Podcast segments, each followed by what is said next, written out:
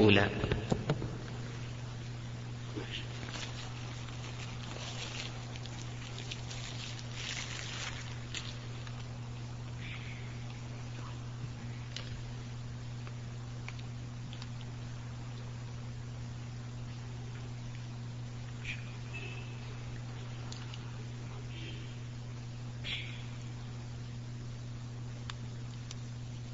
نبدأ. هو هو ضعيف. زين. الحمد لله رب العالمين. لا ضعيف قوي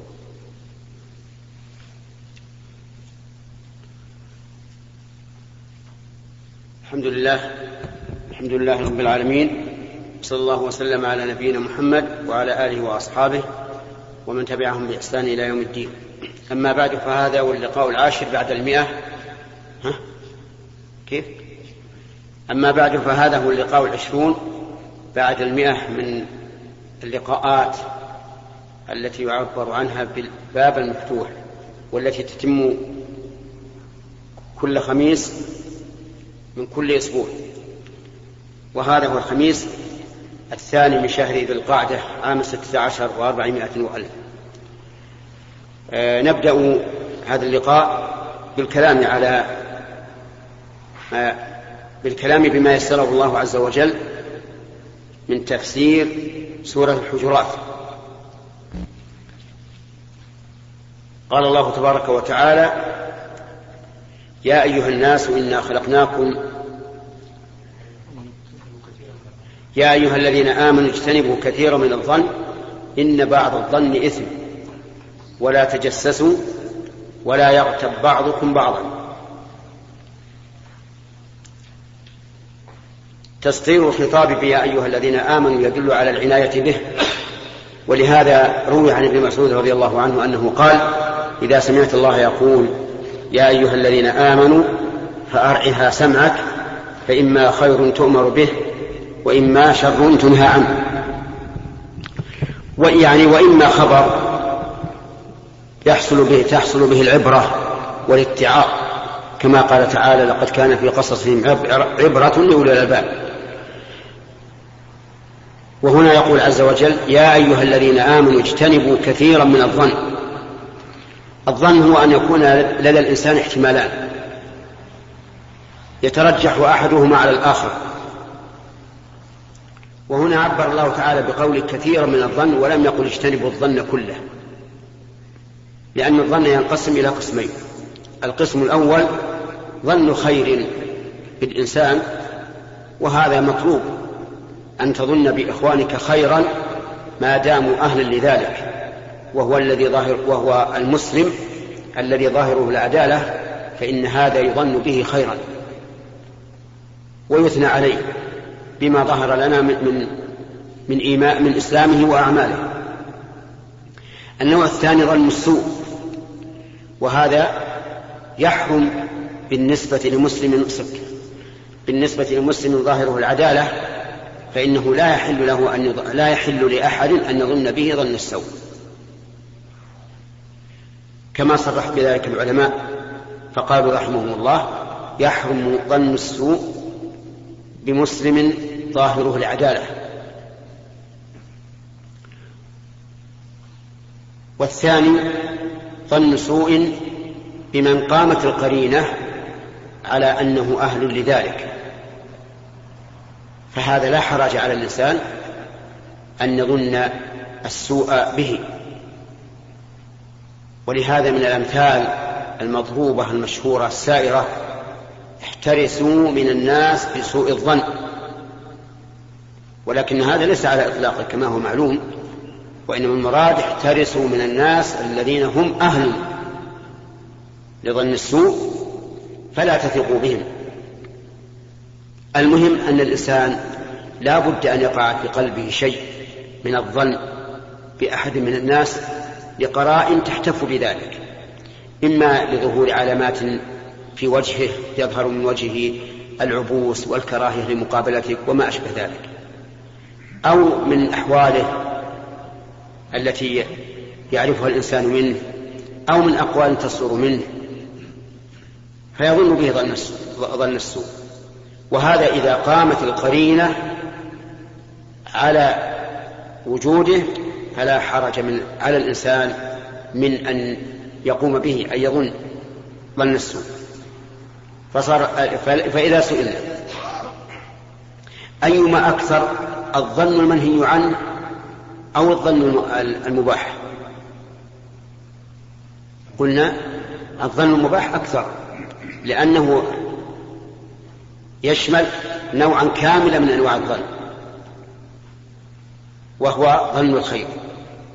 ويشمل كثيرا من ظن السوء لأنه إذا لم يكن هناك قرينة تدل على هذا الظن السيء فإنه لا يجوز للإنسان أن أن يتصف به أي بهذا الظن. ولهذا قال كثيرا من الظن. ولم يقل أكثر الظن ولا كل الظن بل قال كثيرا من الظن. ثم قال إن بعض الظن إثم. وقد توحي هذه الجملة بأن أكثر الظن ليس بإثم وهو منطبق تماما على ما بيناه وقسمناه. أن الظن نوعان ظن خير وظن سوء ثم ظن السوء لا يجوز إلا إذا قامت القرينة على وجوده. ولهذا قال إن بعض الظن إثم. فما هو الظن الذي ليس بإثم؟ نقول هو ظن ظن الخير وظن السوء الذي قامت عليه القرينة هذا ليس بإثم. لأنه ظن الخير هذا هو الأصل. وظن السوء الذي قامت عليه القرينة هذا أيضا أيدته القرينة إن بعض الظن إثم. ولا تجسسوا ولا يغتب بعضكم بعضا. التجسس طلب المعايب. من الغير يعني أن الإنسان آه، ينظر ويتصنت ويتسمع لعله يسمع شرا من من أخيه أو لعله ينظر سوءا من أخيه. والذي ينبغي للإنسان أن يعرض أن يعرض عن معايب الناس وأن لا يحرص على الاطلاع عليها. ولهذا روي عن النبي صلى الله عليه وسلم من حديث عبد الله بن مسعود رضي الله عنه أنه قال عليه الصلاة والسلام لا يخبرني أحد عن أحد شيئا فإني يعني شيئا مما يوجب ظن السوء به فإني أحب أن أخرج إليكم وأنا سليم الصدر. فلا ينبغي للإنسان أن يتجسس بل يأخذ الناس على ظاهرهم. ما لم يكن هناك قرينة تدل على خلاف ذلك الظاهر. وفي هذه الجملة من الآية قراءة أخرى تحسسوا. فقيل معناهما واحد وقيل بل هما بل لكل واحدة منهما معنى. والتج... وأن الفرق هو أن التجسس أن يحاول الإنسان الاطلاع على العيب بنفسه والتحسس أن يلتمسه من غيره. فيقول للناس مثلا ما تقولون في فلان ما تقولون في فلان. وأما التجسس فهو الذي آه، يحاول معرفة العيوب بنفسه. وعلى هذا فتكون آه، القراءتان مبنية آه، مبينتين لمعنيين. كلاهما مما نهى الله عنه. لا أنتم لا تقولون بس عشان هو يوازن. التجسس أن يحاول الاطلاع على معايب الناس بنفسه. والتحسس أن يحاول الاطلاع على معايب الناس. إيش؟ قولوا يا جماعة. من غيره فيقول ما هنا يعني. كما فيقول مثلا ما تقولون في فلان أو ما سمعتم عن فلان يطلب بذلك معايبه. لما في هذا؟ من إشغال النفس بمعايب الآخرين. وكون الإنسان ليس له هم إلا أن يطلع على المعايب ولهذا من ابتلي بذلك أي بالتجسس أو بالتحسس تجده آه، في الحقيقة غير قلقا دائما في حياته. وينشغل بعيوب الناس عن عيوبه ولا يهتم بنفسه. وهذا يوجد كثيرا من بعض الناس الذين يأتون إلى فلان وإلى فلان ما تقول في كذا ما تقول في كذا فتجد أوقاتهم ضائعة بلا فائدة بل ضائعة بما ضره لأن ما وقعوا فيه فهو معصية لله عز وجل. هل أنت وكيل وكيل عن الله عز وجل تبحث عن معايب عباده العاقل هو الذي يتحسس عن معايب نفسه وينظر معايب نفسه ليصلحها لا أن ينظر في معايب الغير ليشيعها والعياذ بالله. ولهذا قال الله عز وجل إن الذين يحبون أن تشيع الفاحشة في الذين آمنوا لهم عذاب أليم. فعلى كل حال هذه آداب وتوجيه من الله عز وجل إلى أخلاق فاضلة. أخلاق مأمور بها وأخلاق منهي عنها. ولا يغتب بعضكم بعضا. الغيبة فسرها النبي صلى الله عليه وسلم بقوله ذكرك أخاك بما يكره. وهذا تفسير من الرسول عليه الصلاة والسلام وهو أعلم الناس بمراد الله تبارك وتعالى في كلامه. ذكرك أخاك بما يكره. سواء كان سواء كان ذلك في خلقته أو في خلقه أو في أحواله أو في عقله أو في ذكائه أو في غير ذلك. المهم أن تذكره بما يكره.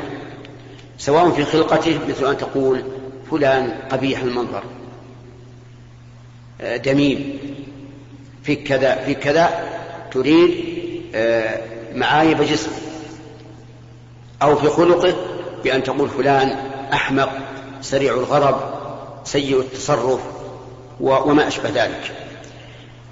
أو في آه، خلقته الباطنة كأن تقول فلان بليد فلان لا يفهم فلان سيء الحفظ وما أشبه هذا. ورسول الله صلى الله عليه وسلم حدها بحد واضح بين ذكرك أخاك بما يكره. قالوا يا رسول الله أرأيت إن كان فيه ما أقول؟ قال إن كان فيه ما تقول فقد اغتبته وإن لم يكن فيه ما تقول فقد بهته. أي جمعت بين البهتان والغيبة. وعلى هذا فيجب الكف عن ذكر الناس بما يكرهون سواء كان ذلك فيهم أو ليس فيهم. يجب الكف عن هذا. واعلم أنك إذا نشرت عيوب أخيك فإن الله سيسلط عليك من ينشر عيوبك. جزاء وفاقا. لا تظن الله غافلا عما يعمل الظالمون بل سيسلط عليه من يعامله بمثل ما يعامل الناس. لكن إذا كانت الغيبة للمصلحة فإنه لا بأس بها ولا حرج فيها.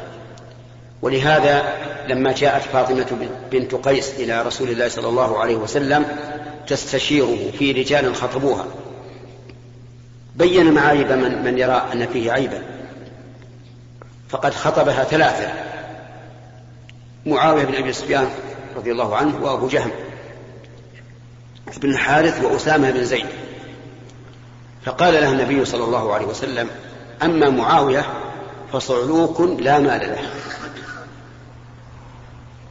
وأما أبو جهم فضراب للنساء. انكحي أسامة بن زيد.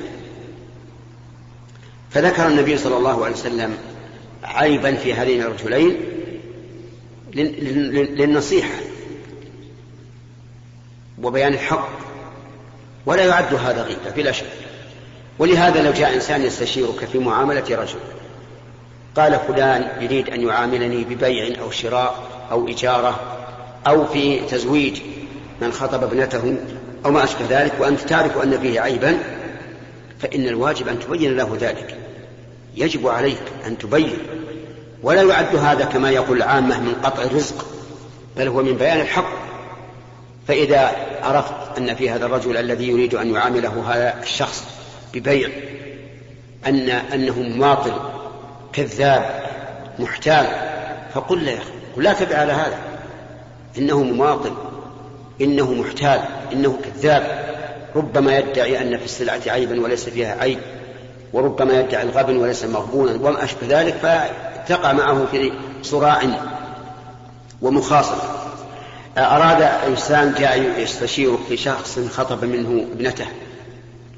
والشخص ظاهره العدالة وظاهره الاستقامة وظاهره حسن الخلق لكنك تعرف فيه خصلة معيبة فيجب عليك أن تبين هذا. يجب أن تبين. آه، مثلا تعرف أن في هذا الرجل كذبا. تعرف أنه يشرب الدخان لكنه آه، يجحده ولا يبين للناس. يجب أن تبين. تقول الله هذا الرجل ظاهره أنه مستقيم وأنه خلوق وأنه طيب ولكن فيه العيب الفلاني. حتى لو كان هذا متجها إلى أن يزوجه بين له العيب. ثم هو بعد ذلك بالخيار لأنه سيدخل على بصيرة. فعلى كل حال يستثنى من الغيبة وهي ذكر الرجل بما يكره إيش؟ الأخ. إلا إذا كان على سبيل النصيحة. وذكرنا دليل ذلك من السنة. فهل هناك دليل من عمل العلماء؟ نعم فيه دليل. ارجع إلى كتب الرجال مثلا. تجدهم مثلا يقول فلان بن فلان سيء الحفظ. فلان بن فلان كذوب. فلان فلان في كذا وكذا. يذكرون ما, ما, ما يكره من أوصافه نصيحة لله ورسوله. فإذا كان الغرض من ذكر أخيك بما يكره إذا كان الغرض النصيحة فلا بأس. كذلك لو كان الغرض من ذلك التظلم والتشكي فإن ذلك لا بأس به مثل أن يظلمك الرجل وتأتي إلى شخص آه، يستطيع أن يزيل هذه المظلمة فتقول فلان قال في آه، أخذ مالي فلان جحد حقي وما أشبه ذلك لا بأس. فإن هند بنت عتبة جاءت إلى النبي صلى الله عليه وسلم تشتكي زوجها أبا سفيان. تقول إنه رجل شحيح لا يعطيني ما يكفيني وولدي وولدي. فقال لها الرسول عليه الصلاة والسلام خذي ما يكفيك وولدك بالمعروف. فذكرت وصفا يكرهه بلا شك. أبو سفيان ولكنه من باب إيش؟ عجيب. من باب التظلم والتشكي. وقد قال الله تعالى في كتابه لا يحب الله الجهر بالسوء من القول إلا من ظلم. لا يحب الله الجهر بالسوء من القول إلا من ظلم يعني فله أن يجهر بالسوء من القول لإزالة مظلمته. ولكن هل يجوز مثل هذا إذا كان قصد الإنسان أن يخفف عليه وطأة الحزن والألم الذي في قلبه بحيث يحكي الحال التي حصلت على صديق له صديقه لا يمكن أن يزيل هذه المظلمة لكنه يعني يفرج عنه أو لا يجوز. الظاهر أنه يجوز. لعموم قوله تعالى لا يحب الله الجهر بالسوء من القول إلا من ظلم. وهذا يقع كثيرا. كثيرا ما يؤذى الإنسان ويجنى عليه بجحد مال أو أو أخذ مال أو ما أشبه ذلك. فيأتي الرجل إلى صديقه ويقول فلان قال في كذا قال في كذا يريد أن يبرد على ما في قلبه من من الألم والحسرة. أو يتكلم في ذلك مع أولاده أو مع أهله أو مع زوجته أو ما أشبه ذلك هذا لا بأس به. لأن الظالم ليس له حرمة بالنسبة لمن؟ بالنسبة للمظلوم. ونقتصر على هذا القدر من الكلام على هذه الآية الكريمة. حتى نتفرغ للأسئلة وإلى اللقاء القادم إن شاء الله تعالى. الله عنك. توسع الناس في الاستنابة في الحج. فما هي الطريقة السليمة؟ أرجو بيان ذلك بوضوح. جزاكم الله. بارك الله فيك. آه، توسع الناس في الاستنابة في الحج. أمر يؤسف له في الواقع. وقد يكون غير صحيح شرعا. وذلك أن الاستنابة في النفل في جوازها روايتان عن الإمام أحمد. رواية أن الإنسان لا يجوز أن يستنيب أحدا في النفل ليحج عنه أو يعتمد عنه سواء كان مريضا أو صحيحا. وما أجدر هذه الرواية بالصحة والقوة لأن العبادات يطلب من المكلف أن يقوم بها بنفسه. حتى يحصل له من العبادة والتذلل لله تعالى ما يحصل. وأنت ترى الفرق بين إنسان يحج بنفسه وإنسان يعطي دراهم ليحج عنه. الثاني ليس له حظ من العبادة في إصلاح قلبه وتذلله لله عز وجل. وكأنه عقد صفقة بيع وكل فيها من يشتري له أو يبيع له. وإذا كان مريضا وأراد أن يستجيب في النفل فيقال هذا لم يأتي لم تأتي به السنة وإنما جاءت السنة بالاستنابة في الفرض فقط. و والفرق بين الفرض والنفل أن الفرض أمر لازم على, على الإنسان فإذا لم يستطعه بنفسه وكل من يحج عنه أو يعتمر لكن النفل ليس بواجب فيقال ما دمت مريضا وأديت الفريضة فاحمد الله على ذلك وابذل المال الذي تريد أن تعطيه من يحج عنك أو يعتمر ابذله في مصارف أخرى. أعن إنسانا فقيرا لم لم يحج لم يحج الفرض أعنه بهذا المال. فهو خير لك من أن تقول خذ هذا حج عني ولو كنت مريضا. أما الفرض فالناس والحمد لله لم يتهاونوا به. لا تكاد تجد أحدا يوكل عنه من يحج. فريضة إلا وهو غير قادر. وهذا جاءت به السنة كما في حديث عبد الله بن عباس رضي الله عنهما أن امرأة أتت النبي صلى الله عليه وسلم فقالت يا رسول الله إن فريضة الله على عباده بالحج أدركت أبي شيخا كبيرا لا يثبت على الراحلة أبا أحج عنه؟ قال نعم حج عنه. والخلاصة أن الاستنابة في النفل فيها روايتان عن الإمام أحمد إحداهما أنها لا تصح الاستنابة والرواية الثانية أنها تصح الاستنابة من القادر وغير القادر والصواب والأقرب للصواب بلا شك عندي أن الاستنابة في النفل لا تصح لا للعاجز ولا للقادر. وأما الفريضة للعاجز الذي لا يرجو زوال عجزه فقد جاءت بها السنة. نعم. أحسن الله إليك. يعني الكلام في أهل البدعة مثل ما يقال مثلا هم يؤولون الآيات أو الأحاديث أو يعني يقول يفعلون كذا وكذا هل يعتبر هذا غيبة يعني إذا كان بين الطلبة هل يعتبر إيش؟ غيبة غيبة ولا غيبة؟ غيبة غيبة نعم آه الكلام في أهل البدع ومن عندهم أفكار غير سليمة أو منهج غير مستقيم هذا من النصيحة وليس من الغيبة بل هو من النصيحة لله ولكتابه ولرسوله وللمسلمين. فإذا رأينا أحدا مبتدعا ينشر بدعته فعلينا أن نبين أنه مبتدع حتى يسلم الناس من شره. وإذا رأينا شخصا عنده أفكار تخالف ما كان عليه السلف فعلينا أن نبين ذلك. حتى لا يغتر الناس به.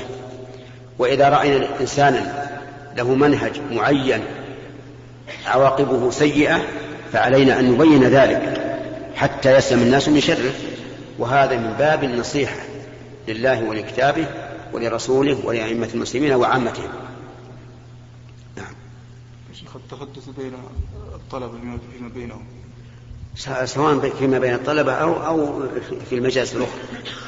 ما دمنا نخشى من انتشار هذا هذه البدعة أو هذا الفكر أو هذا المنهج المخالف لمنهج السلف. يجب علينا أن نبين حتى لا يغتر الناس بذلك.